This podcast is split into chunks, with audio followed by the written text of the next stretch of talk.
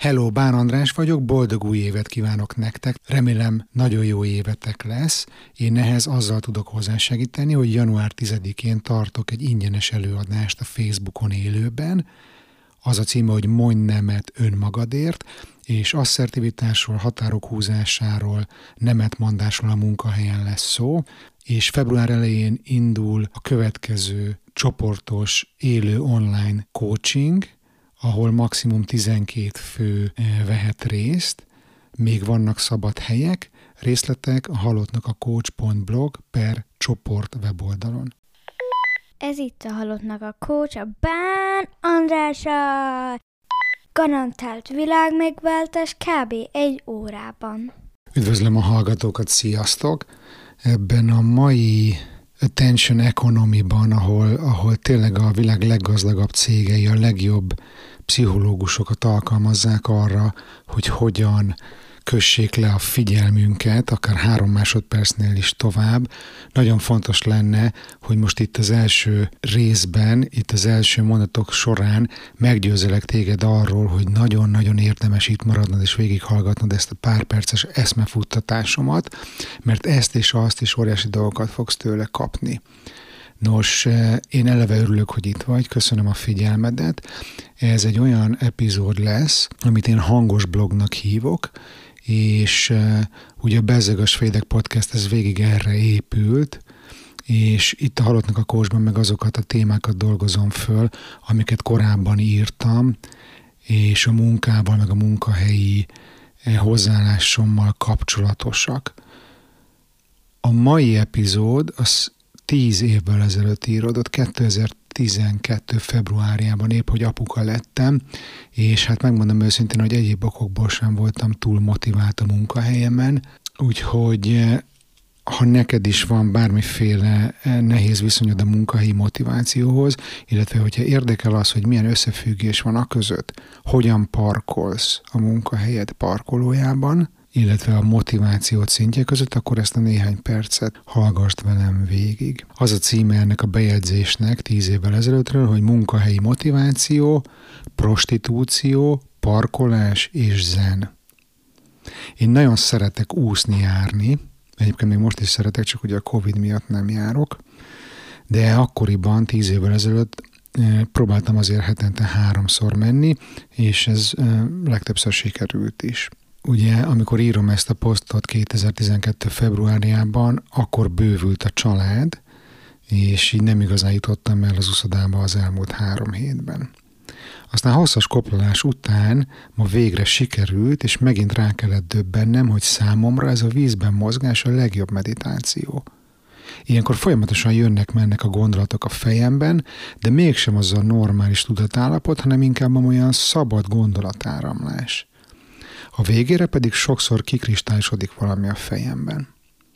Ma például az fogalmazódott meg bennem a zuhany alatt, hogy szeretnék elérni egy olyan állapotot, amely lehetővé teszi számomra, hogy csak akkor gondoljak a munkámra és a benti dolgokra, amikor reggel belépek a gyárkapun, és ezek a gondolatok tűnjenek is el a fejemből abban a szent pillanatban, amikor elhagyom a csatateret.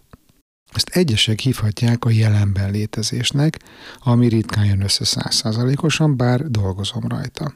Ugye akkor megkezdtem a mindfulness meg a meditációval foglalkozni a stresszkezelés miatt, meg a kiégés miatt. Más szemszögből viszont ez azt is mutathatja, hogy nem szeretem annyira a munkámat, illetve az ottani környezetet, hogy a kötelező 8 órán túl is fordítsak rá energiát. Hát igen, ez tényleg így volt. Erre én azt mondom, hogy ha a munkám egy lenne velem, vagyis azért fizetnének nekem, ami vagyok, és amit szívesen csinálnék egyébként is akár ingyen, akkor valószínűleg nem okozna gondot délután öt után sem ötletelnem a benti dolgokon.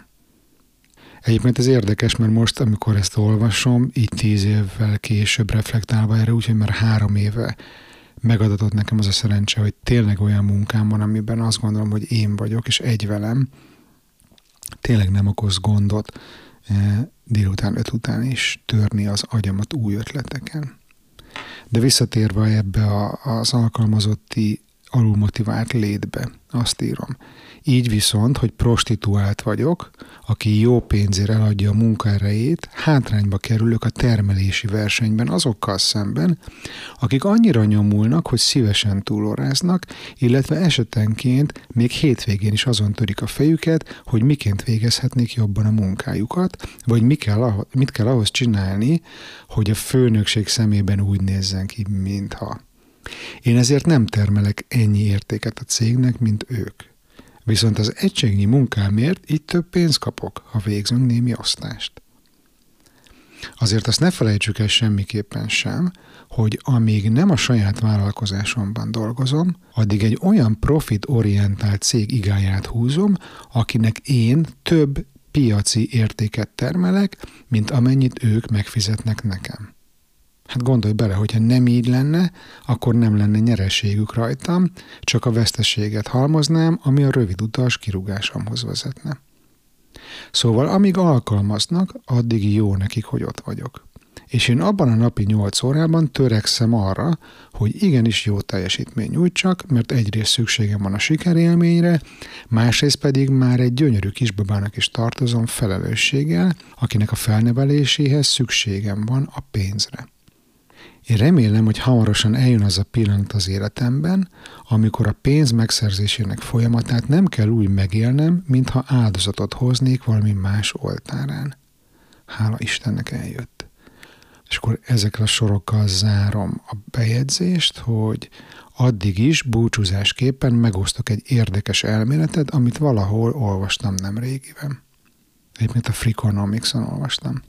Azokon a munkahelyeken, ahol az alkalmazottak orral befelé parkolják le a kocsijukat reggel, ott jobb a munkamorál, mert ők elszántak és alig várják már, hogy dolgozhassanak. Ellentétben velük azok, akik betolatnak, azaz orral kifelé állnak, azok már reggel arra gondolnak, hogy mikor indulhatnak haza. Te hogyan szoktál parkolni? Én mindig orral kifelé. Kedves hallgató, köszönöm, hogy még mindig itt vagy, remélem megérte végig maradnod. Ha szeretnél egy szuper társaság részévé válni, akkor csatlakozz az online támogató közösségünkhöz a Facebookon, keresd a Halottnak a Coach közösség csoportot, és ne felejts el követni az Instagramon a Halottnak a Coach címen. Amennyiben szeretnél velem dolgozni, részt venni egy csoportos coaching programon, vagy egyéni tanácsadáson, meghívni a cégedhez workshopot vagy érzékenyítő beszélgetést tartani, esetleg podcastet készítenél velem, akkor a részletekért látogass el a bánandrás.hu weboldalra. A bánandrás.hu-n feliratkozhatsz a hírlevelemre is, amiben péntekenként bepillanthatsz a kulisszák mögé, és megosztom veled, mi inspirál éppen, mit találok érdekesnek a világban. Iratkozz fel a Halottnak a Coachra Patreonon exkluzív tartalmakért, és támogasd a munkámat havi egy kávé árával. Küldhetsz egyszeri támogatást is a Paypalon vagy Revoluton, részletek az adásnaplóban. Köszönöm már a figyelmed, kérlek iratkozz föl a Halottnak a Coach podcastre azon a lejátszón, ahol éppen most hallgatod, és mesélj a műsorról egy barátodnak. Bán András voltam, a mi hamarabb viszont hallásra.